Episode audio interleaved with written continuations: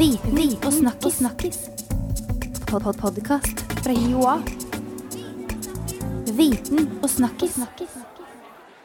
Bonjour og velkommen til en ny episode av Viten pluss snakkis. Podkasten som gir deg svar på det du lurer på, på livets vei mellom Fillon, Macron, Amon og Le Pen.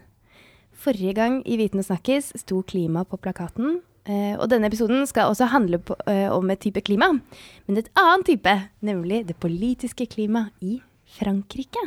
For i dag skal vi snakke om Frankrike og det kommende franske presidentvalget i april og mai.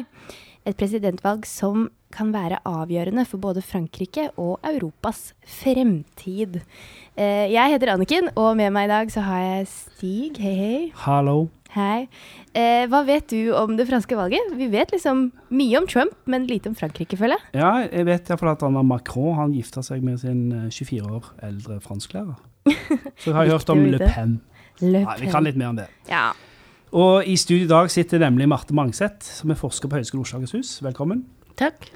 Du forsker bl.a. på makt, byråkrati og eliter og utdanning i Frankrike og Norge. Hva førte til at du begynte med dette? Eh, mammaen min jobba i Strasbourg da jeg var liten, så da gikk jeg på skole der som barn. Og det var mitt første møte med eh, det at eh, kunnskap ikke verdsettes på samme måte i ulike sammenhenger. For jeg oppdaget at man måtte lære helt andre ting på fransk skole enn i Norge. Og seinere så uh, satt jeg da i gang med å studere først en mastergrad og skrive doktorgrad om ulike kunnskapsidealer i Norge og Frankrike. Og videre så har jeg da i min forskning vært opptatt av hvordan ulik type kunnskap legitimerer makt, eller rettferdiggjør makt, på forskjellige måter i Norge og Frankrike. Hva betyr det? Kan du ta et kortversjon? Ja, altså i eh, Frankrike så er eh, rett og slett eh, en mer type generalistkunnskap eh, mer legitimerende. Man trenger ikke være eh, spesialist i sosialøkonomi f.eks. For, eksempel, for å nå en toppstilling Ja. i Finansdepartementet. Eh, man må være veldig god til å snakke for seg. Så de er veldig drilla på retorikk.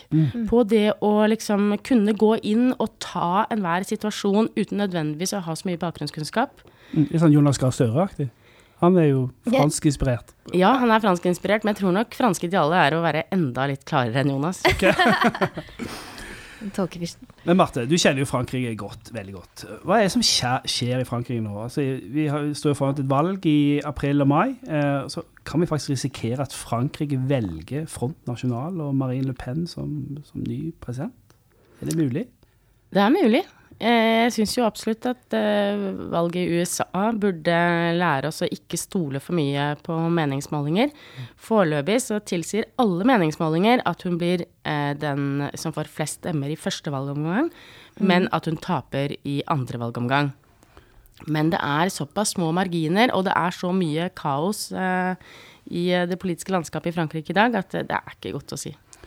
Hva som har skjedd? Altså, er, er, er fransk politikk snudd litt på hodet? Altså, har vi fått liksom, De gamle blokkene, høyre og venstre, så er, det- er, ser vi et litt annet bilde som tegner seg? Altså, um, på sett og vis er det en stor endring det at en uh, sentrumskandidat eller en sosialdemokratisk kandidat kanskje ligger an til å vinne. Emmanuel Macron har jo da uh, gått ut av Sosialistpartiet, hvor han før var eh, finansminister, og lagd sin egen bevegelse, En Marche, eller Fremad. Um, og det at han uh, klarer, uh, ligger an til å kunne vinne uh, uten en sånn, et av de to store partiene bak seg, det er i og for seg nytt. Og det at en kandidat eh, liksom markedsfører seg selv som sosialdemokrat, er også nytt. Ordet sosialdemokrat har liksom vært et skjellsord i Frankrike. ja. Man snakker om å være sosialist, men ikke sosialdemokrat. Ekte sosialist, liksom. Gamle idealer som sto Ja, sterkt. det er Ja. enten eller. Ja. Ja. Mm. Ok. Uh, og så på høyresiden, da har vi han uh, Filot, uh, som òg er vel litt sånn Ja, altså det er, en, det er mange ting med han. Det var litt overrasket at han vant eh, primærvalget i Høyrepartiet. Mange trodde jo at Alain Juppé, som er mer sånn klassisk eh, statsmann og mer likende for både høyre- og venstre, venstresida. Men så gikk uh, Fillon opp og, og vant, og det var litt overraskende fordi han rett og slett er veldig reaksjonær. Altså han er, han er katolikk og, og står veldig til høyre på alle sånne kulturspørsmål, eh. Altså mot abort og mot homofili, og veldig mange av de eh, store samfunnsendringene som har foregått i, i Frankrike de siste årene, ønsker han egentlig å reversere. Eh, men han er samtidig økonomisk liberal, da. Um, og så er det det at han er oppi en eh, stor politisk skandale som Ja. franskmenn kanskje reagerer litt annerledes på enn det de har gjort før. Ja, fordi jeg har hørt at det er noe korrupsjon involvert eh, når det kommer til Fillon. Ja, noe snusk det. Eh, Det er noe snusk. Men dette er jo ikke akkurat uh, uvanlig i fransk politikk, er det det? Med korrupsjon. Hvorfor reagerer franskmennene på akkurat denne saken? Ja, men eh, vanligvis så har eh, franskmenn ganske høy toleranse for korrupsjon. De tenker at eh, ja ja, de er vel De har sine sinn på skogen alle sammen, og det er vel sånn det er, og det Alle har en elskerinne, de korrupte. Ja, og det bryr vi oss ikke så mye om. Eh, Men akkurat denne saken til Fillon eh, er litt verre, kanskje, eller får litt større motstand enn andre. Dels fordi det er så store summer. 900 000 euro. Det er ganske mye penger som da har blitt utbetalt til kona og barna hans for eh, jobber som de sier de har hatt, men som det alt tyder på at de ikke har eh, hatt, eller de har ikke gjort noen ting. Kona har selv sittet og sagt i et intervju at hun ikke er assistent for sin mann, at hun ikke driver med politikk, at hun er en typisk hjemmeværende kone som kjeder seg. Ja, det er helt fantastisk at det går an. Eh, En, en, en så ledende presidentkandidat. eh, og har- Jeg har ikke tenkt Ja. mer over dette her, da. Jeg har sittet og hørt sånn eh, Jeg var i Paris for to uker siden, og da hørte jeg liksom folk på fly og på flytog og sånn som sa at noe av det som sjokkerer dem, er at det går an å være så dum. Altså, de hadde liksom ikke tro på at han som faktisk hadde tenkt å stille som presidentkandidat, ikke så at dette kom til å bli et problem, da. Eh, men, eh, men en annen ting er, og som også er veldig viktig for eh, den motstanden han har fått, det er at han gikk veldig hardt ut i, da han åpnet presidentkampanjen sin. Og sa for det første at han skulle være spesielt rettskaffen og ren og, og ikke noe snusk. Og det andre var eh, denne økonomiske liberalismen. Da, at han gikk for veldig harde eh, økonomiske innstramninger og sa liksom at nå må dere, det franske folk, ta dere sammen. Det må være slutt på at folk eh, driver dank og får penger av staten. Nå må vi liksom ta et krafttak, for vi står overfor enorme økonomiske problemer. Frankrike har en kjempegjeld, kjempestatsgjeld, og de er, eh, har virkelig problemer nesten på linje med Hellas, liksom. Så de, de, det er masse med pensjonsreformer og, og, og mange ting, da. Eh, og så har han da parallelt eh, drevet og innkassert en masse penger. Eller hans kone og barn har innkassert en masse penger uten å gjøre noe som helst, og det klinger dårlig, da. For en hykler. Ja, dobbel, dobbeltmoral, vil det hete. Eh, dobbeltmoral. Ja, Men det er jo mye dobbeltmoral her, ja. Kan det tyde på. Vi vet jo ikke, han har ikke blitt, eh, han har ikke blitt dømt ennå, han er under etterforskning. Men den rettsinstansen som eh, driver og undersøker saken, da, de kom med en uttalelse i går eh, hvor de sa at denne saken Vi vet såpass mye om denne saken nå at den helt sikkert ikke blir henlagt. Denne saken vil få følger. Altså hvilken grad av følger, det er ikke eh, avgjort ennå, men den vil få følger. Og da kunne man jo tenkt at det var en gyllen anledning for Fion til å trekke seg. Men han eh, har uttalt at han står på sitt, han skal gå eh, dette løpet helt ut. Men- har de en plan B da, hvis han skulle trekke seg? Fins det noe eh, Ja, det er det som er litt uh, Det er han. Pussig. Ja, han har jo gitt seg. Ja, eller jeg ville tenkt at uh, det var naturlig at han som kom som nummer to i primærvalget innad i, i partiet, da, eh, Alain Juppé, eh, sto sterkt til å ta den posisjonen. Men franskmenn er veldig opptatt av at det er ikke noe egentlig system for hva man skal gjøre dersom en presidentkandidat skal gå. Eh, Så de mener at det er ikke gitt at eh, den som ble nummer to, har legitimitet til å fylle den rollen. Og så har han jo også selv sagt nei, da, Alain Juppé, at han ikke vil det. Men jeg tror at hvis man kom og ba ham pent, så hadde han sikkert sagt eh, ja. okay. Men, eh, men han må jo ha litt tid å drive kampanje på, og jo lenger Fillon holder ut, jo vanskeligere blir det for en ny kandidat. Ja, det blir veldig vanskelig. Ja. ødelegger for hele partiet, da. Han ødelegger veldig for hele partiet, men også for hele Frankrike. fordi at eh, det, det kaoset som, som er nå, det reder jo grunnen for at Le Pen bare styrker sin Ja. posisjon. Det er nettopp det. For hun er veldig stabil. Ja, altså mens uh, Fillon har eh, sunket litt på meningsmålingene etter den skandalen kom, men ikke liksom drastisk. Macron gjør det ganske godt, eh, men han har, det har ikke tatt av for han heller. Eh, De ligger eh, på henholdsvis sånn 18% og 19 eh, hver av de i første valgomgang, mens eh, Marine Le Pen ligger på mellom 25 og 27% i alle meningsmålinger over tid. Oi, oi, oi. Men, altså, vi har da Le Pen, Macron og, og Filon. og så har vi en til luring. Eh, altså, Amon. Amon. Amon. Og det er flere luringer. Det er ja. Han, han, Amon. Benoit Amon er altså egentlig sosialistpartiets kandidat. Og um, eh, han kom jo som en overraskelse. Ja. Eh, alle trodde det var eh, tidligere statsminister Valls som skulle vinne primærvalget, og så gjorde han ikke det. Det var Benoit Amon som vant. Og han eh, er mer eller Står lenger til venstre, da. Eh, han eh, går inn for borgerlønn, for eksempel, er en av sakene hans, og er mer radikal i miljøpolitikken. fri hasj. Ja. Og skatt til roboter, leste jeg en plass. Skatt mot et eller annet. Ja, så han, eh, han eh, kan jo minne litt om Bernie Sanders, eh, Ja. litt om Corbyn i England og sånn også. Um, men da han ble valgt, så var det mange som eh, sa at eh, dette er slutten for Sosialistpartiet. Han kan umulig vinne selve presidentvalget. Så det at liksom partistrukturen gjør at vi ender opp med å ha han som kandidat, det tyder på at partistrukturen ikke fungerer lenger. Vi må legge ned Sosialistpartiet. Ja. Men så har han klart seg ganske bra i meningsmålingene mot uh, alles forventninger. Han ligger på 14-15% i første runde, så mm, det er ikke godt å si hva som skjer framover. Det er veldig sånn ytterpunkter her, da. Marine Le Pen og Fillon og Amon.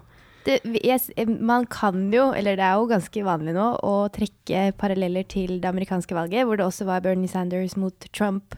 Veldig sånn, Ja. hva skal man si, eh, valg mellom to onder-type opplegg. Det er jo litt det samme vi ser i Frankrike nå. Ja, og det som har vært problemet på venstresida lenge, egentlig, er at du har en spredning på mange kandidater. For det, Mm, den yeah. personen som egentlig ligner mest på Bernie Sanders, det er jo Mélenchon. Ja, men han, han, han, Som også står for en sånn bevegelse som er lenger til venstre for Amon igjen. Og han har liksom en sånn eh, ja, vil framstå som mer folkelig og mer sånn del av en folkelig bevegelse. Eh, og han har gjort veldig stort nummer av noen av de der politiske møtene sine. Eh, på et møte som var for ti dager siden, så, så hadde han et hologram av seg selv. Dødskult! Akkurat som Tupac. Ja. ja. Så jeg syns jo det framstår som litt uh, patetisk, da. Men, uh, men ja ja, de går uh, all in, altså. Nye takter i fransk politikk. Ja, det er ikke Men så er det enda en person vi skal passe oss for, og det er Francois Bayrou. Som han, ja. er en mer sånn sentrumskandidat som har eksistert lenge, da, før, før Macron kom. Og han har liksom ligget på været. Og eh, det er liksom uklart eh, Vil han støtte Macron? Vil han støtte høyresida? Og mange hadde liksom håpet at han eh, liksom for anstendighetens skyld og for å unngå at Marine skal få for mye rom og sånn, skal gå bak og støtte en av de to eh, mest stødige kandidatene. Men han har hatt en del uttalelser i det siste hvor han går hardt til angrep på Fillon. Som tyder litt på at han reder grunnen for å lansere seg selv som kandidat. Eh, så det er godt mulig at han også kommer inn i dansen. Han skal visst komme med en uttalelse den 20. februar.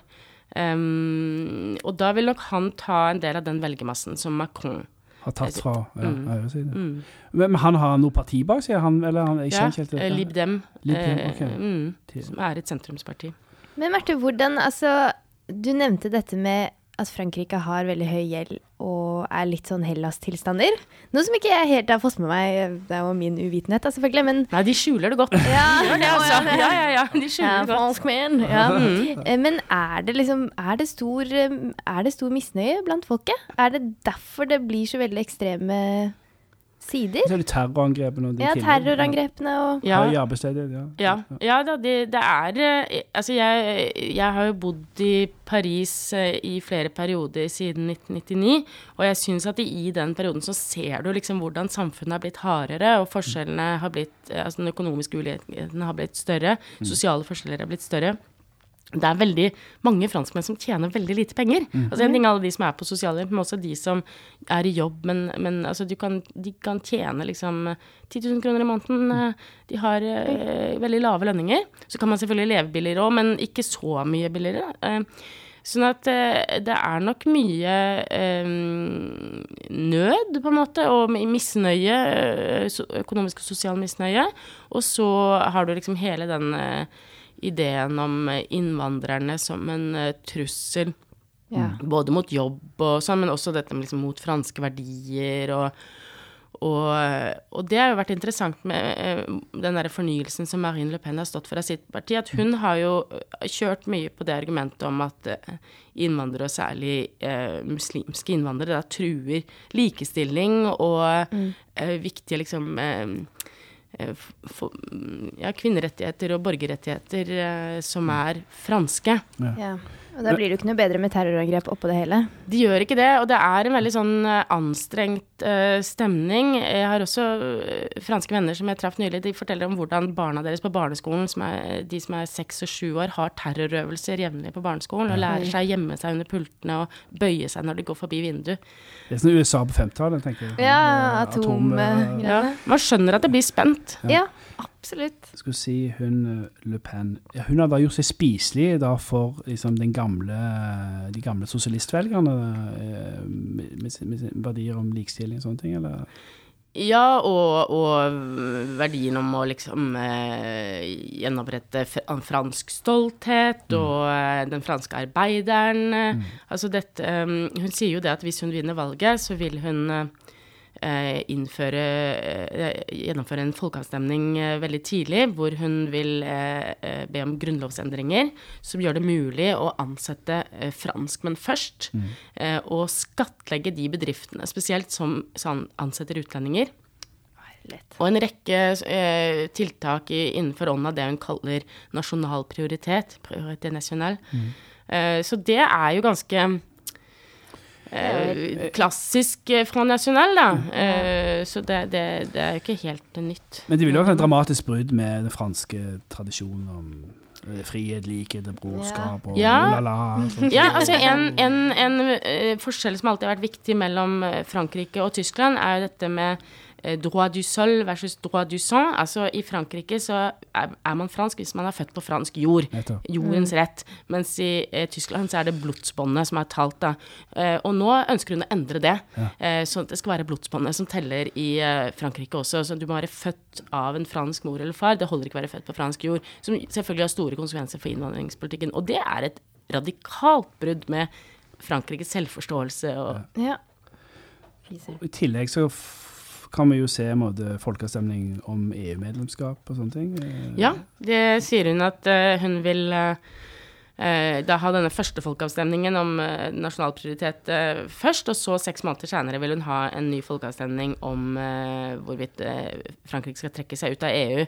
Men jeg tror hun er ganske opptatt av å se hva som skjer i England nå, og liksom har skjønt at oi, dette her er vanskelige greier. For hun sier liksom ikke så eksplisitt 'vi skal ut', ferdig med det. Eller hun sier at hun sier at eh, EU er et eksperiment som eh, har slått feil. Det er en total fiasko, og da må vi slutte med det. Men hun sier samtidig at vi må gå inn og forhandle og se hva vi får, og så skal folk kunne eh, stemme over hvorvidt det, det, man forhandler seg fram til, da, er nok til å bli der inne. Hun er også veldig uklar på det med valutaen, for det har vært en kampsak for eh, Front National lenge at man skal ut av euroen og mm. gjeninnføre franc. Um, der også er hun blitt mye mer vag i det siste, antageligvis ut fra en sånn forestilling om at det er så enkelt å gjennomføre.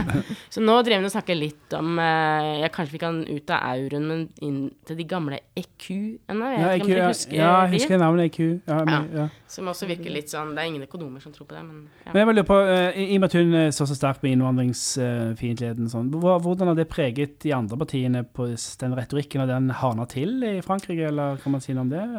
Eh, Sarkozy, da han eh, var president, og eh, i den perioden han har ledet Høyrepartiet, så har jo han bevisst lagt seg på en linje veldig tett på Marine Le Pen og Front National. og det er jo uklart hva man skal si om hvordan det funka. Fordi at eh, Ja, man skjønner jo strategien, gitt at det er en stor velgermasse som ønsker seg den type politikk, og at de mm. sier det i altså målinger, ikke bare om hva man vil velge, men hvilke verdier man vil ha og sånn, så kommer dette med nasjonale og innvandringskritiske igjen og igjen. Men det gikk jo veldig dårlig for Sarkozy. Mm. Han var jo den mest upopulære presidenten noensinne. Og det er jo interessant å se, for han har jo prøvd å komme med comeback i dette valget, men, eh, men eh, det fungerte jo ikke i det hele tatt. Så han er, han er liksom ute, så sånn sett så er det vanskelig å um, si at hans strategi lykkes noe særlig, da. Men eh, la oss eh, prate litt om dette med elite. For elitebegrepet har blitt mye brukt. Uh, i hvert fall sånn i det amerikanske valget og sånn, elite versus grasrot. Er avstanden stor mellom eh, folk? Altså mellom elite og folk? Er det et gryende opprør mot det? Hva, hva er en elite i Frankrike, på en måte? Altså jeg vil si at det er en eh, stor avstand eh, mellom eh, elite og folk, ja. Og dette er jo sånne ting som du ser bare rett og slett på hvor store de økonomiske forskjellene er. Det er hvordan lønnsspredningen er. Hvis du sammenligner Norge og Frankrike, så er det veldig mye større avstand fra de på topp til de på bånn Ja. eh, i Frankrike. Mens eh, i Norge så er det ikke så stor avstand fra de som tjener mye, til de som tjener lite.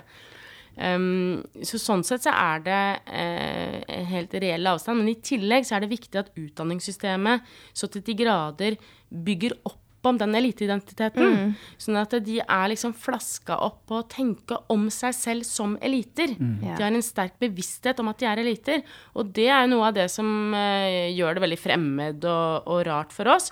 Men samtidig, altså i den forskningen jeg har gjort når jeg undersøkt byråkratiske eliter i Norge, Frankrike og England, så er det også interessant å se at de franske eh, byråkratiske elitene i mye større grad enn de norske er seg bevisst eh, hvor eh, store goder de har, og hvor mye makt de har. At de har en eh, selvrefleksjon på det. Mens de norske kanskje i mindre grad liksom innser at eh, de faktisk sitter på ma mer makt enn vanlige folk og har eh, bedre forhold enn andre folk. Så det er en dobbelthet i den elitebevisstheten, da. Har det en veldig stor påvirkning på det valget som kommer nå, da? Altså, jeg vil jo si at eh, franskmenn har ganske stor aksept for eliter. oh, ja. eh, på én måte. Eh, Francois Hollande kjørte jo det som sin kampanje da han eh, før, altså før han vant for fem år siden, at han skulle være normal president. En president normal.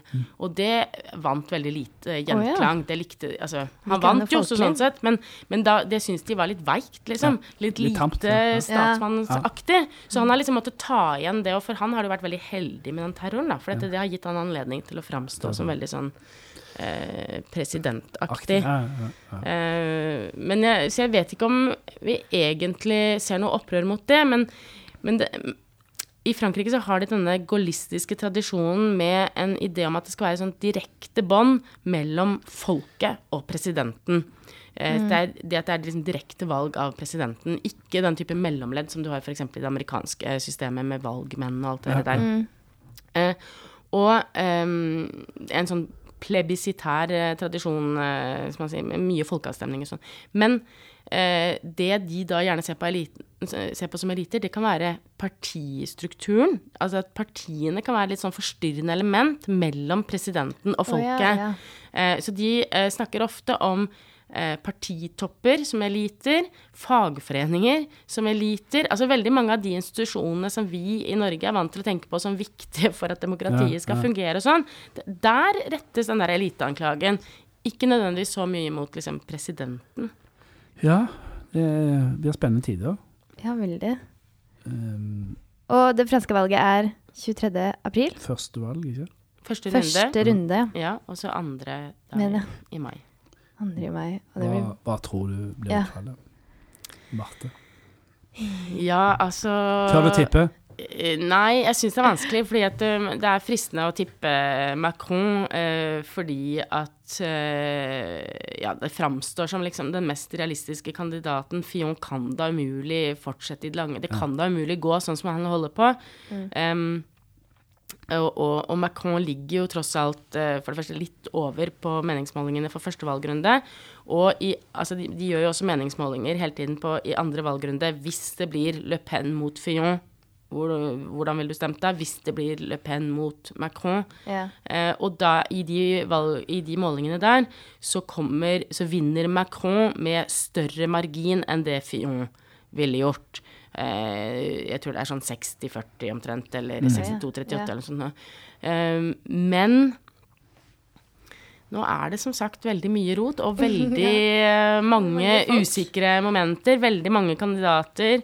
Eh, så det, og og, og det, det der med Macron at På den ene siden så, så kan franskmenn være kritiske til partistruktur og kanskje ha en viss aksept for at han stiller utenfor den ordinære, ordinære partistrukturen, men samtidig så har det jo noe å si at han ikke har en sånn struktur i ryggen eh, til å backe seg opp.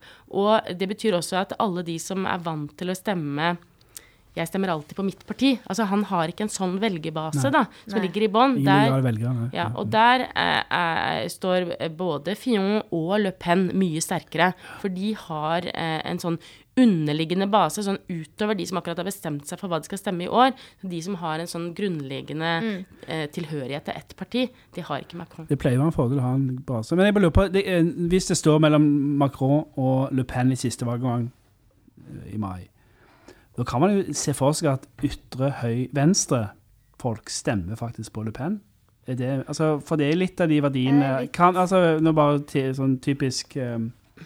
Altså ytre venstre vet jeg ikke, men det, det vil være, som du sier, en del eh, arbeiderklassevelgere. Arbeiderklassevelgere og tradisjonelle sosialistpartivelgere som Ja. vil stemme Le Pen. Det, Ja, ja. øh, Og ikke minst også fordi at Macron også kjører en veldig sånn økonomisk innstramnings... eh, Han er litt, li, li, fremstår litt liberalistisk kanskje for noen. eh, økonomisk, ja. Ehm, men uh, eh, samtidig så har du liksom en veldig sånn sterk ideologisk venstreside på, i, i Frankrike, da, hvor liksom det emosjonelle her er, er eh, veldig viktig. Så det jeg tror, er at det blir veldig mange som stemmer blankt. Ja. Det hører jeg mye. Altså at de, de, de er, står virkelig mot eh, Le Pen og alt hun står for, men, men Macron kan de ikke gi sin stemme til. Nei, og lav valgdeltakelse, det vil jo bety det vil jo styrke eh, Le Pen.